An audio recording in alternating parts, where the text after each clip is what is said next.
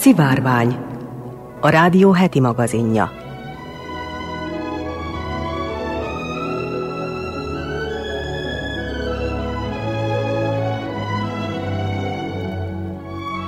Köszöntöm a szivárvány hallgatóit, Molnár Eleonóra vagyok, színes magazin műsorunk szerkesztője. Adásunkban szó lesz arról, hogy nagy a baj, fogy az oxigén a földről. Elmondjuk azt is, hogy valami morbid, titokzatos dolgot fedeztek fel az indiai óceán fenekén. Kiderül az is, miért dagasztanak a macskák. Majd hallhatnak arról az első sikeres császármetszést elvégző James Berry nevű orvosról, aki valójában nő volt. Megtudhatják azt is, miért teszünk lencsét új évkor. Szófejtőnkben kiderül, miért hányjuk a fittyet, és mi is az a fitty. Vajdasági épített örökségünk sorozatunkban pedig a Bácsföldvári Szent Mihály templomot mutatjuk be hallgatóinknak. Az ügyeletes csapat nevében jóvételt és kellemes időtöltést kívánok.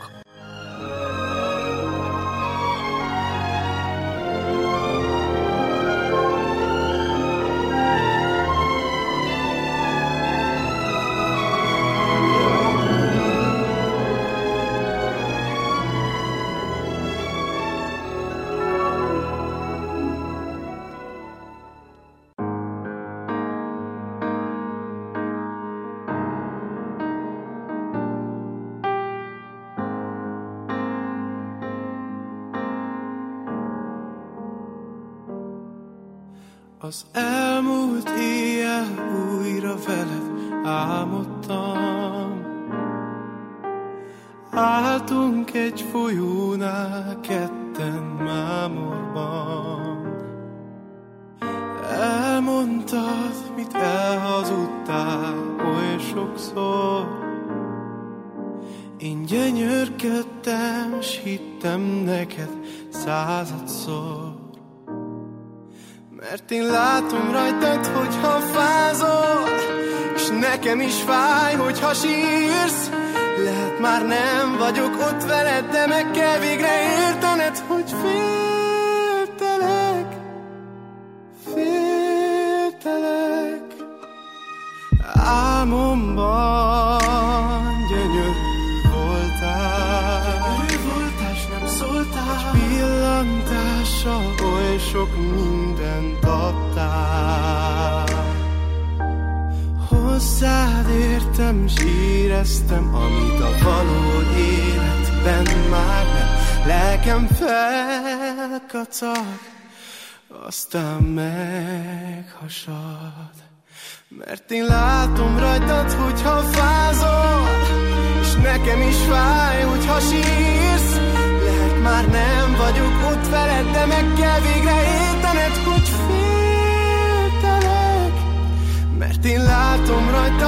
hogyha fázol És nekem is fáj, hogyha sírsz.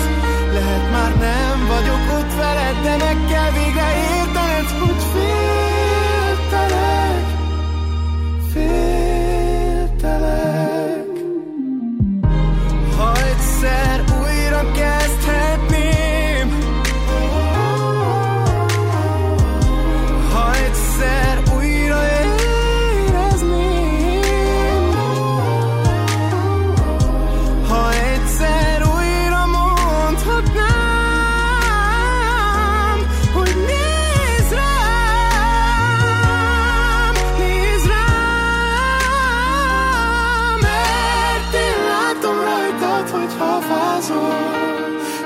nekem is fáj, hogyha sírsz Lehet már nem vagyok ott veled De meg kell végre értened, hogy féltelek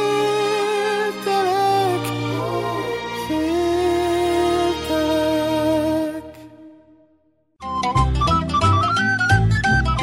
Önök az Újvidéki Rádió szivárványát hallgatják. Nagy bajra figyelmeztetnek a tudósok. Elfogyhat az oxigén a földről, ez pedig a jelenlegi élet sorsát is megpecsételheti. Erre figyelmeztet egy új kutatás. Az előrejelzés szerint a légkörben az uralkodó gáz ismét a metán lehet, az oxigén pedig visszaszorul. Öröm az ürömben, hogy ez nem a közeljövőben fog megtörténni. Addig van még pár milliárd évünk. A változás ugyanakkor elkerülhetetlen. A tanulmánya azt is kimutatta, hogy a légköri oxigén nem állandó jellemzője a lakható világoknak, és ez a megállapítás befolyásolhatja a földön kívüli létformák keresését is. A szakértők szerint az oxigén még azelőtt el fog tűnni a Földről, hogy a nedves üvegházhatású körülmények kialakulnának, és a felszíni víz nagymértékben elveszne az éghajlati rendszerből. A kutatók lefuttatták a Föld bioszférájának részletes modelljeit, figyelembe véve a nap fényességének változását és a széndiokszid szintjének megfelelő csökkenését, mivel a gáz lebomlik a növekvő hő hatására. A kevesebb széndiokszid kevesebb fotoszintetizáló élőlényt, például növényt jelent, ami kevesebb oxigént eredményez. A tudósok korábban azt jósolták, hogy a napból érkező fokozott sugárzás körülbelül két milliárd éven belül eltörli az óceánok vizeit a bolygónkról, de az új modell, ami nagyjából 400 ezer lefutatott szimuláció átlagán alapul, azt mondja, hogy az oxigén szint csökkenése fogja először elpusztítani az életet. Az oxigén szint esése extrém lesz, Nagyjából egymilliószor kevesebb oxigénről beszélünk, mint ma, nyilatkozta az egyik kutató Chris Reinhardt. A tanulmányt napjainkban különösen aktuálissá teszi, hogy egyre intenzívebben keressük a naprendszeren kívüli lakható bolygókat. Mostanában nagyobb teljesítményű teleszkópok lépnek működésbe, és a szakértők tudni akarják, hogy mit kell keresni a műszerek által gyűjtött rengeteg adatban. Elképzelhető, hogy az oxigénen kívül más életjelekre is vadásznunk kell ahhoz, ha idegen létformákat akarunk találni. A Reinhardt és Kazumi Ozaki, a japán Toho Egyetem környezetkutatója által végzett számítások szerint a Föld oxigénben gazdag, lakhatósági története a bolygó teljes élettartamának mindössze 20-30 százalékáig tarthat, a mikrobiális élet még jóval azután is létezni fog, hogy mi már nem leszünk. Az oxigénhiányos légkört a magas metánszint, az alacsony széndiokszid szint és az ózonréteg hiánya jellemzi. A földrendszere valószínűleg az anaerob létformák világa lesz, mondta Ozaki.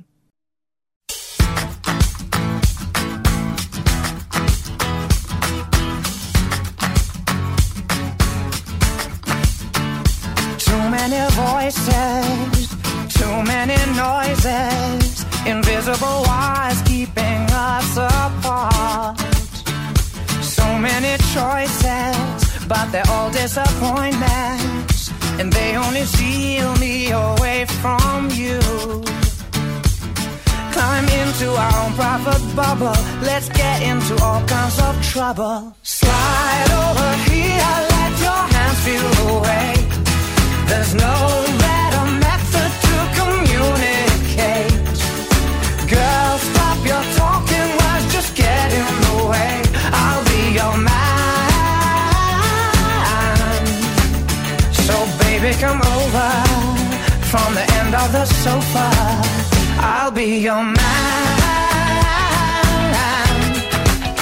I'll be your man. Man. faces, staring at their shoelaces, when all anyone wants is to be seen. So tonight, let's be honest, we all want to be wanted. And darling, you got me wanting you. Everything that I'm trying to say just sounds like a worn out cliche. Slide over here, let your hands feel the way.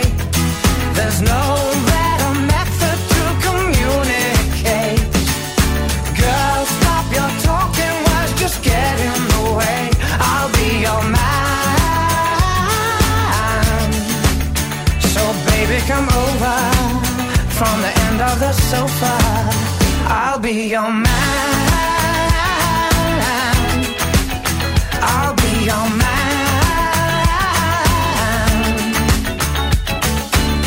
What are we all looking for? Someone we just can't ignore. It's real love dripping from my heart. You got me tripping. What are we all looking for?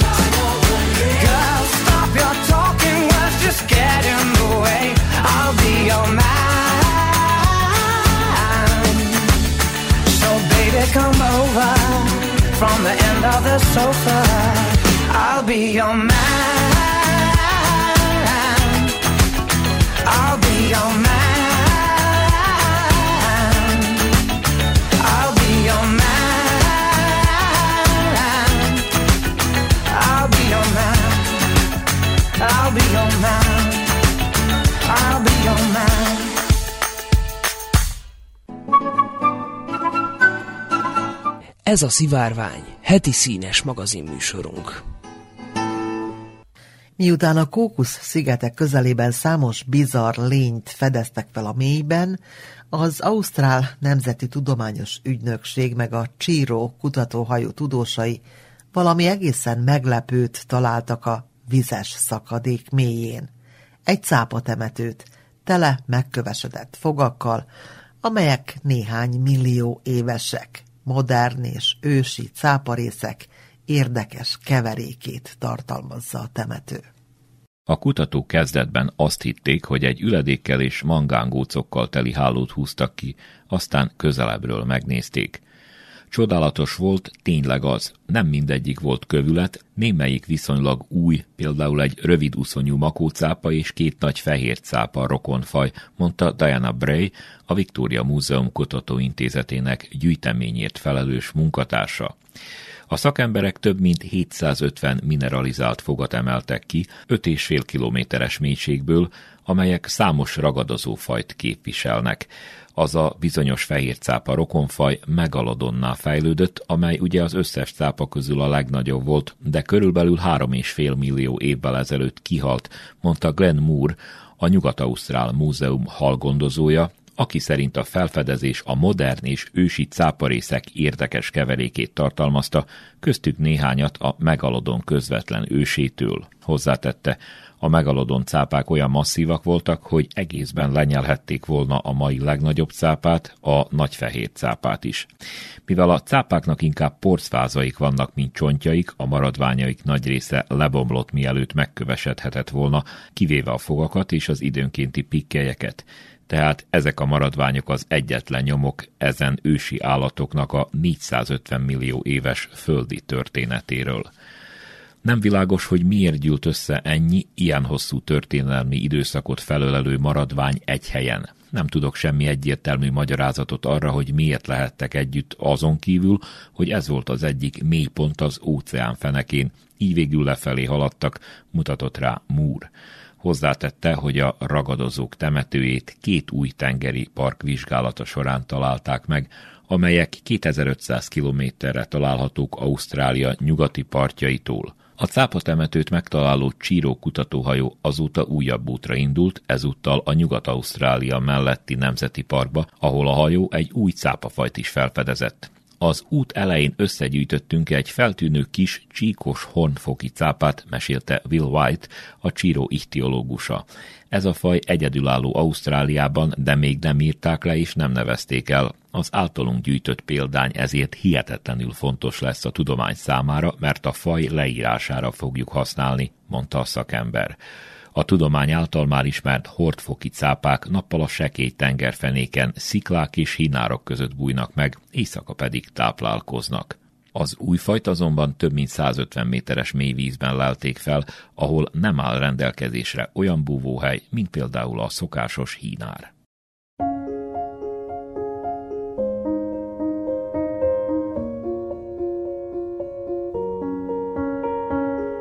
I'm going on during this time. I feel there's no one to save me. This all and nothing really got away, driving me crazy. I need somebody to hear, somebody to know, somebody to have, somebody to hold. It's easy to say, but it's never the same. I guess I kinda like the way you numbed all the pain. Now the day bleeds into nightfall, and you're not here to get me through it all. I let my guard down, and then you pulled the rug.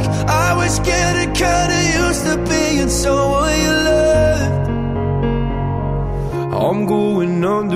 this time I feel there's no one to turn to. This all and nothing way of loving, go be sleeping without you. Now I need somebody to know, somebody to hear, somebody to have, just to know how it feels. It's easy to say, but it's never the same. I guess I kinda like you help me escape. Now the day bleeds into nightfall, and you're not here to get me through it all. I let my guard down, and then you pulled the rug. I was getting kinda used to being someone you loved, and I tend to close my eyes when it hurts. Sometimes I fall into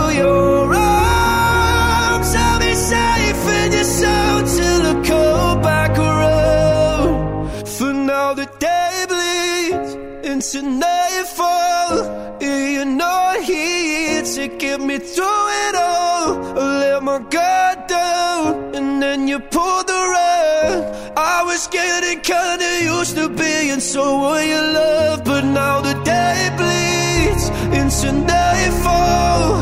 You're not here to get me through it all. I let my guard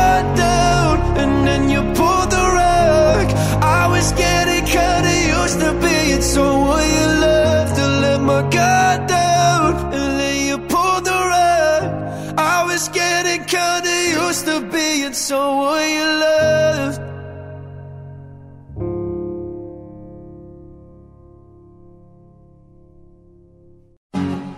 Önök az Újvidéki Rádió szivárványát hallgatják. Megszületett a tudományos válasz, miért dagasztanak a macskák.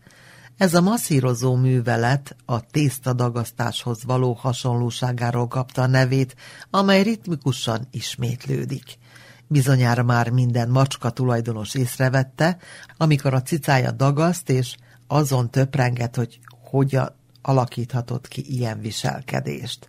A tudósok ezért tették fel a kérdést, vajon miért dagasztanak a macskák? Vajon elárul valamit arról, hogyan érzik magukat ilyenkor?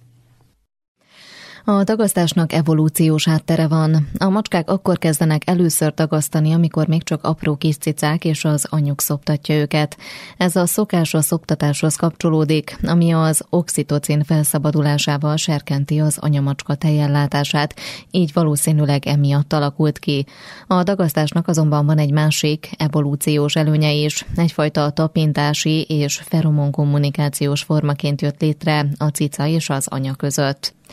A macskák puha mancspárnáiban illatmirigyek találhatóak, és amikor gyúrnak, ezek feromonokat, tehát a kommunikációhoz használt kémiai üzeneteket bocsájtanak ki, mondta Susan Hazel, az Adelaide Egyetem állat- és állatorvos tudományi iskola vezető oktatója a Science Alert online tudományos portálnak.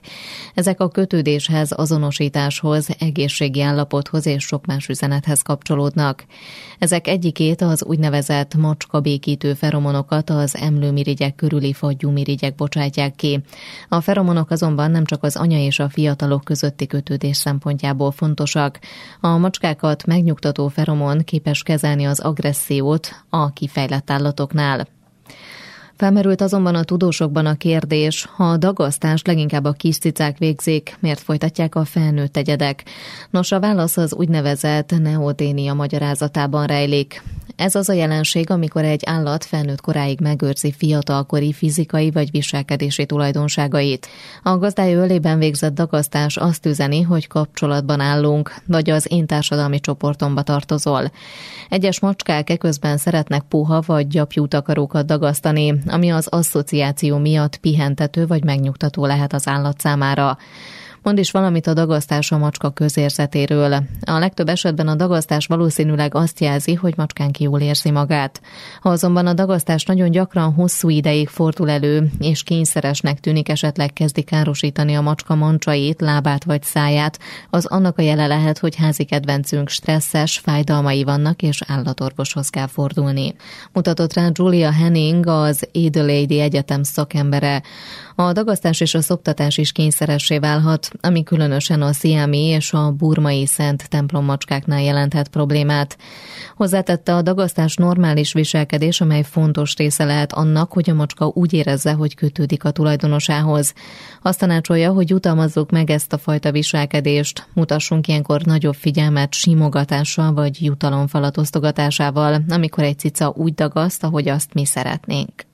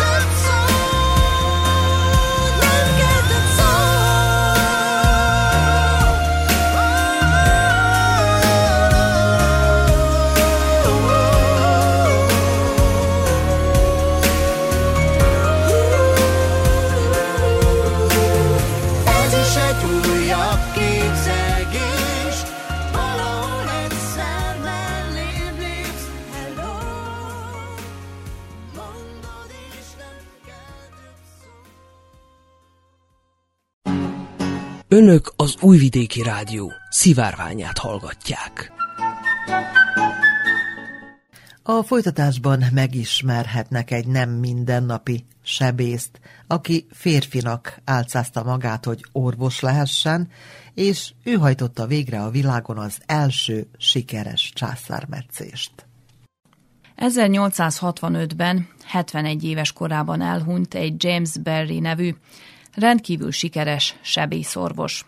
Amikor azonban a házvezető nője előkészítette a testet a temetésre, sokkoló felfedezést tett. Berry valójában nő volt. Dr. James Berry 50 évig férfinak álcázta magát, hogy a 19. század egyik legsikeresebb sebésze lehessen. Ma már tudjuk, hogy dr. James Berry Margaret Ann Berkeley néven született, egy ír kereskedő lányaként. Abban az időben, amikor a nők nem részesülhettek felsőoktatásban, Margaret valaki másnak adta ki magát, hogy orvos lehessen, és egész életében meg is őrizte a titkát. De vajon hogy sikerülhetett ez neki? Főiskolai osztálytársai sejtették, hogy rejteget valamit, de arra gondoltak, hogy ez a valódi életkorával kapcsolatos, és nem is sejtették, hogy nő volt. Haláláig sikerült megőriznie identitásának titkát. Amikor házvezetőnője 1865-ben előkészítette a holtestet a temetésre, és felfedezte a titkot, amit évtizedekig sikeresen őrzött, a történet hatalmas döbbenetet váltott ki az emberekből. Elképzelhetetlen volt, hogy sikerülhetett egy alig 1 méter 52 centi magas nőnek egész életében férfinak kiadni magát. Margaret Ann Berkeley 1789 körül született Írországban, Korkban. Egy élelmiszerbolt tulajdonosának lánya volt, és nőként nem voltak túlságosan fényes kilátásai az életben. 19 éves korában azt mondta bátyjának, hogy ha férfinak született volna, katona lenne. Ezután édesanyjával Londonba költözött, nagybátyja James Berry mellé. Berry a Királyi Művészeti Akadémia tagja volt, és számos befolyásos embernek bemutatta az unoka húgát. 1806-ban, amikor meghalt, Margaret felvette a nevét, hogy felvételt nyerhessen az Edinburghi Egyetem orvostudományi karára. Margaret Berkeley 1809-ben James Berry néven iratkozott be az Edinburghi Orvosi Egyetemre, ami az egyik legjobb volt Európában.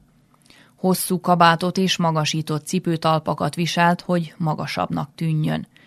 Osztálytársai ugyan észrevették, hogy magasabb hangon beszél, de nem jöttek rá, hogy nő. Margaret, vagyis James még nyáron sem vette le a hosszú kabátot, ami elfette nőies alakját. James Berry rendkívül temperamentumos személyiség volt.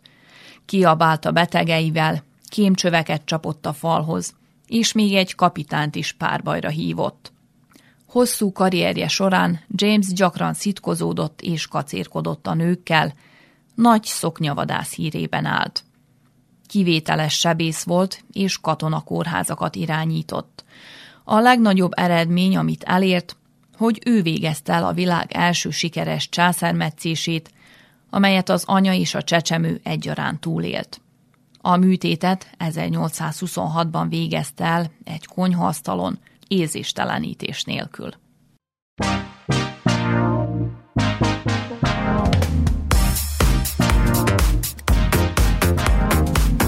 A hátsó ülésen pont elfér. Még két fiú és egy lány. Vagy kettő, három, négy. Néhány utcára van autóval. Hmm, Az ízű forró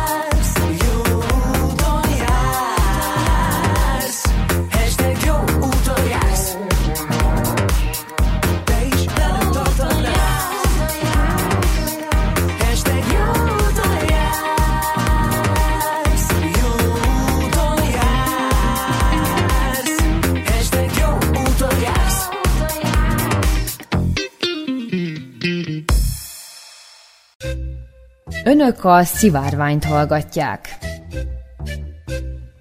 Tudják, miért eszünk lencsét új évkor? Az új évhez annyira hozzátartozik a malac és a lencse, mint a karácsonyhoz a beigli és a halászlé, vagy a húsvéthoz a sonka és a tojás. De mi köze a malacnak a szerencséhez? A lencsének a gazdagsághoz és más országokban mivel próbálják jobbá tenni az új évet? A disznó előtúrja a szerencsét, a lencse pedig lapos és pénzre hasonlít. Ráadásul sok is van belőle, így ha lencsét eszünk, pénzesőbe lesz részünk az új évben. Ez a rövid magyarázat, amelyet mindenki az unalomig ismer, és bár nem hisz benne, a világért sem hagyná ki az újévi lencse ebédet. De ássunk egy kicsit mélyebbre. A hagyományok szerint a szemes ételek a gazdagságot jelképezik, mert olyan sok van belőle, amennyi pénzt szeretne a lencsét ebédelő babonás. Olyan ez, mint az apró pénz, ide tartozik a lencse, a köles, a rizs és a babis. Mégis a lencse terjedt el a köztudatban. Legalábbis magyar nyelvterületen.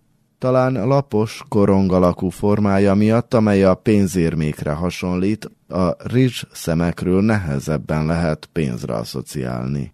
A lencse nem tipikusan magyar hagyomány. Olaszországban is lencsét esznek, ott azonban nem a sokaságon, hanem a megduzzadó szemeken van a hangsúly. Ugyanis a lencse méretének növekedése a növekedő gazdagságot jelképezi. Mint a rizs Pakisztánban és Indiában. Az ottani babonákban is a sokaság és a térfogat növekedés a lényeg. Hasonló céllal Törökországban gránátalmát esznek. A gyümölcsből kiszóródó számtalan vörös mag a leendő gazdagságot jelképezik, de emellett a piros szín az emberi szívet, vagyis az életet és a termékenységet is szimbolizálja. Az Egyesült Államok déli államaiban kukoricából készült süteményeket esznek, mert annak aranybarna színe az aranyra hasonlít. És mit jelent a sok arany?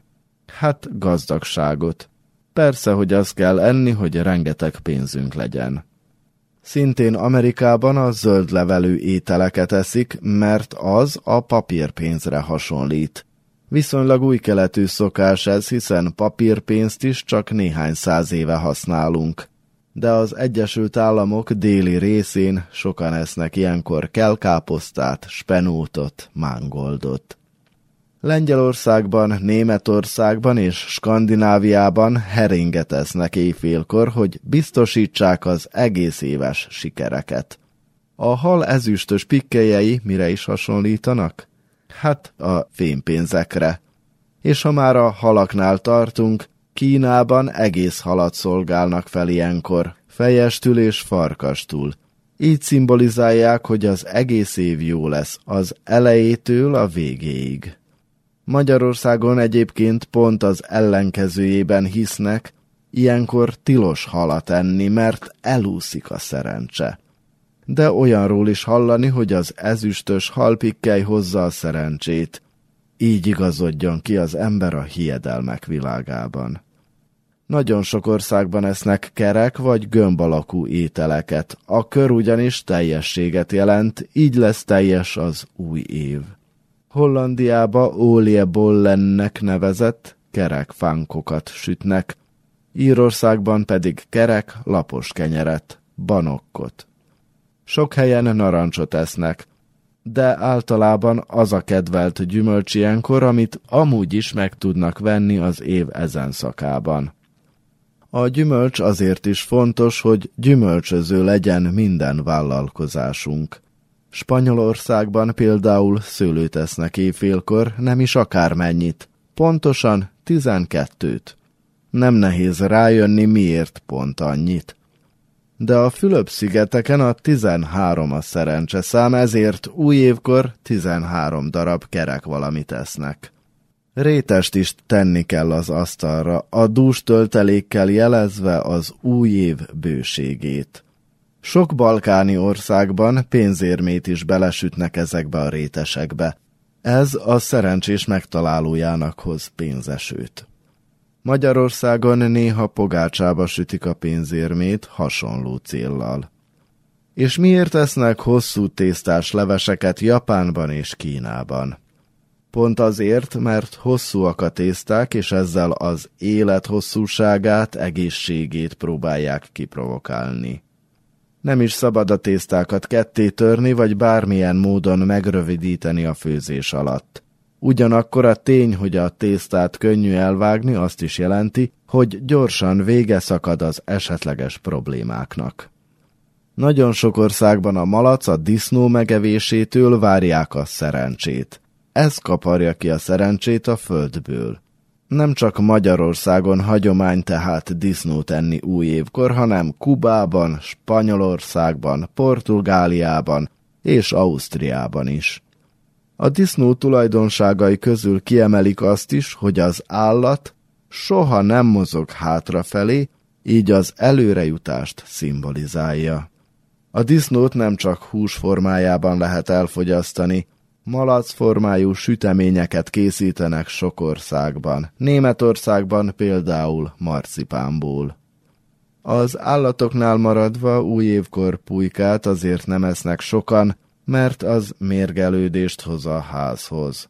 Szárnyasokat amúgy sem szeretik január első napján, inkább az év utolsó napján eszik ezeket, hogy elkaparja a rosszat. Ráadásul a szárnyasok hátrafele kapirgálnak, ezzel visszakaparják a rosszat az óévbe. A disznó azonban előrefele túrja ki a szerencsét az orrával.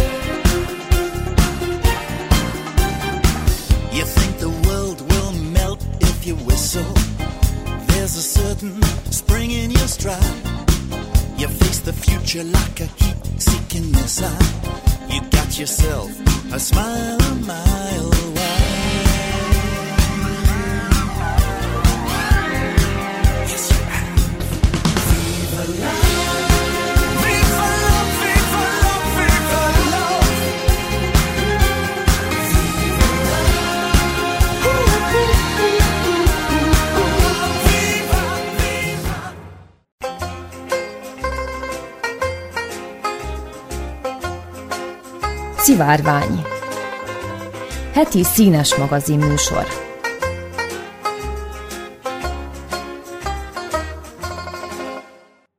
Fittyet hánysz valamire, amikor nem törődsz a dologgal, szándékosan és fölényesen megfeledkezel róla, pedig sok esetben érdemes lenne odafigyelni rá. De vajon mi az a fitty, és miért pont hányni szokták?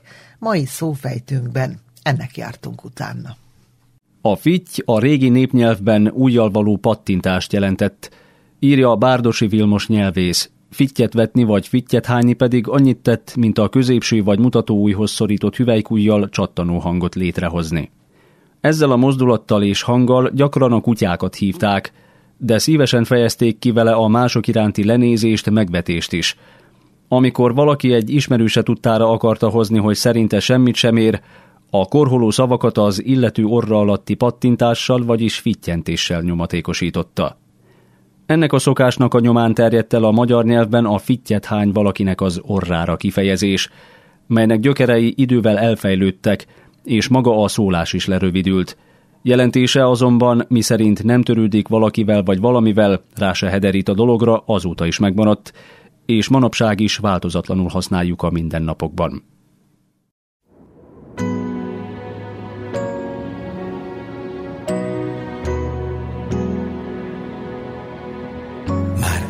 Elengedte az év mind a tizenegy gyermekét, csak a decembernek fogja még kezét.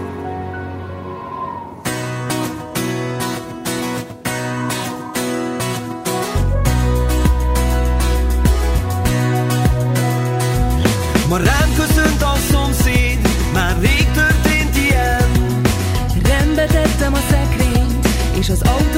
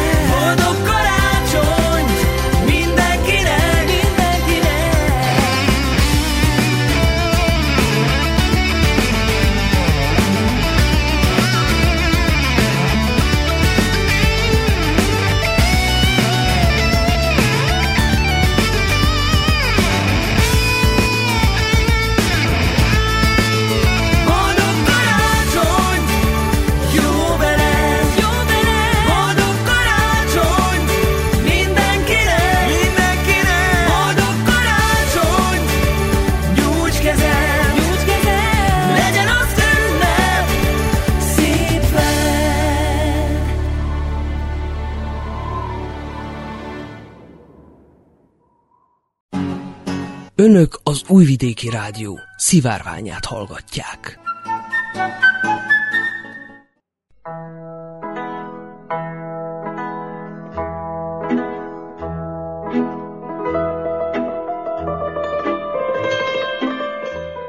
Vajdaság kuriózumai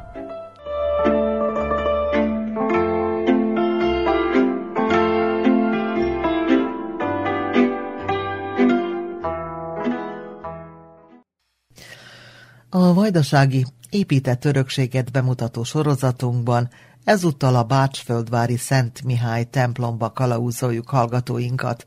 Ezen a helyen 1806-ban építették az első Vályok falu templomot, az első kőtemplomot pedig 1830-ban kezdték építeni Ferenc osztrák császár kezdeményezésére, aki előtte a róla elnevezett csatorna építésén járt a településen. 190 éve szentelték fel a mai templomot Szent Mihály tiszteletére. A falak között neves, nemzetközi hírű magyar és európai mesterek művei találhatók, mondja Cini Tibor, a templom harangozója.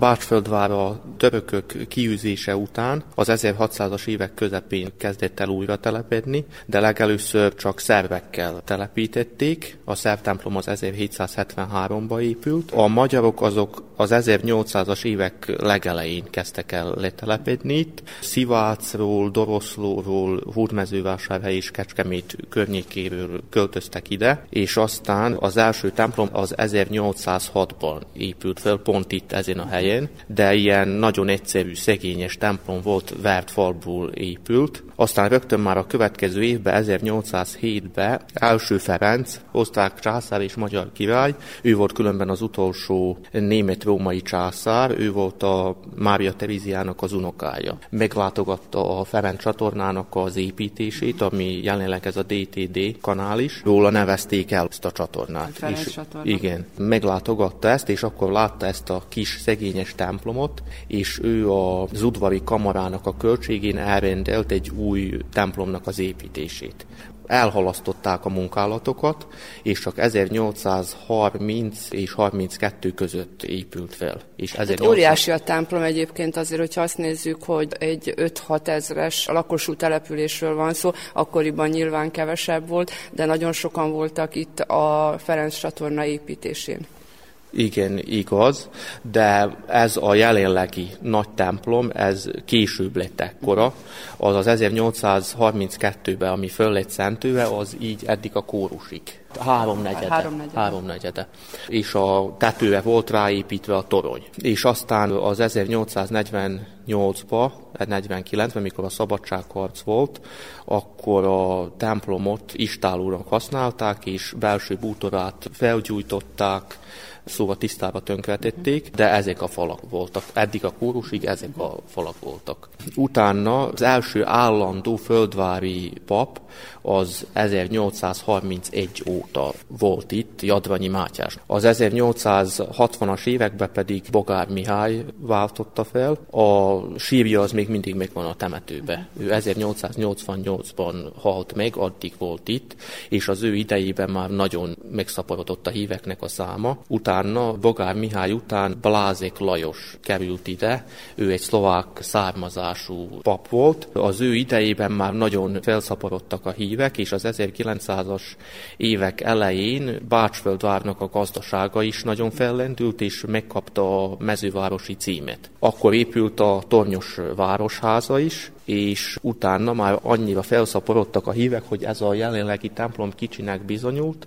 és úgy döntöttek, hogy kibővítik a templomot. Akkor építették hozzá ezt a jelenlegi kórust, meg a tornyot. A jelenlegi ez gyakorlatilag tornyot. ez a bejárati része a templomnak Igen, az utca igen. fő utcáról. Így van, szóval a régi tornyot azt lebontották, és hozzáépítették ezt a kórust, meg a jelenlegi tornyot. Területileg az a három része, tehát az oltár rész, a középső rész és a kórus alatti rész, ez mekkora? A főbejárattól kezdve a Zoltárig, az oltár legvégéig, az oltárképig 41 méter, 41 méter hosszú. A templom így meg 14,5 méter széles. Mekkora félőhelyes ugye lehet fönt a, a kóruson is valamennyien, de lent ugye négy padsor van, vagyis pad rész van beosztásilag. Hát körülbelül úgy van mondva, hogy olyan 3-400 ülőhely, ha állóhelyeket is beleszámoljuk, akkor ezeren fölül van. Hány harangja van jelenleg a templomnak, és a kezdeti szakaszban mennyi volt? 1910-ben, mikor megkezdődött ez a felújítás, ez a hozzáépítés, kibővítés, akkor vettek négy harangot Bódicsi Sándor bajai harangöntőmestertől, de ez a négy harang csak négy-öt évig volt itt, mert az első világháború kitört, és 14-15-ben elvitték hadicélokra. Mindenhonnan esetleg néhol egyet meghattak, de nagyon sok pénzt kellett érte kifizetni. Itt Földváron egy sem maradt meg, és akkor ledobták őket a toronyból, és ezekből ágyút készítettek. A mostaniak az utána 1924-ben az elsőt, szóval tíz évig nem volt egyáltalán egy harang se. Ez már Svever Imre plébános idején történt a harangoknak a pótlása. Ez a középső harang, ami most jelenleg a középső, az volt az első. 1924-ben vásárolták, ez 325 kilós, és Anton Blazsina öntötte Zágrábba. Utána 1933-ban vásároltak még három harangot, az a jelenlegi nagy második harang, az 600 kilós, még a két legkisebb harang, az a legkisebb az 50 kilós, a második legkisebb, ami lélekharangnak van használva, az 180 kilós. Utána 1937-ben pedig szintén a pótolták a legnagyobb harangot is, az 1120 kilós és Antal József vásárolta. Ezzel a harangvásárlással megemlékezett a feleségének, Mikula Máriának, a halálának a tizedik évfordulójáról. Na most ezeket a harangokat, ezt mind a négyet, ami 33-ban, még 37-ben lett vásárolva, ezeket Mariborba öntötte egy német származású harangöntő dinasztia, a Bül testvérek. Maradjunk még akkor a toronynál. Hat évvel ezelőtt az orgonát is javították. Az orgona tehát most szólhat. Az orgonát azt 1910-ben készítette el Wegenstein Lipót és fia Temesvári műhelyében. Ez az orgona 13 regiszteres és két manuálos. Az orgona az a 90-es évektől már nem volt használatba, aztán 2016-ban fel lett újítva, hát több mint 10 évig ez a lenti harmónium volt használva csak, apró Tibor topolyai mester újította föl. Hát volt ilyen több árajánlat, volt ilyen teljes körű felújítás az orgonának, akkor ilyen középszerű felújítás, de ezek mind nagyon drága, ilyen 40 ezer, még Ez 20 ezer euróba kerültek volna, és utána 1800, volt egy olyan ajánlat, hogy 1800 eurójé elmossa a sípokat, szétszedi az orgonát, kitisztítsa és felhangolja, és akkor újból használhatóvá válik, és ez meg is történt, össze lett széve a pénzösszeg, Dudás Matild szedte rá össze, ő, ő gyűjtötte össze, falu híveinek adakozásából történt meg, és azóta szól.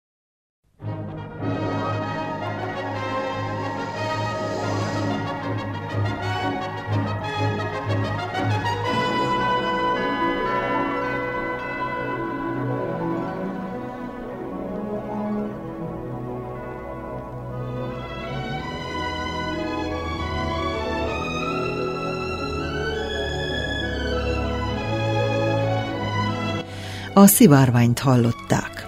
Heti színes magazin műsorunkkal egy hét múlva jelentkezünk ismét. Az ügyeletes csapat nevében Molnár Eleonóra köszöni figyelmüket. Kellemes hétvégét kívánok!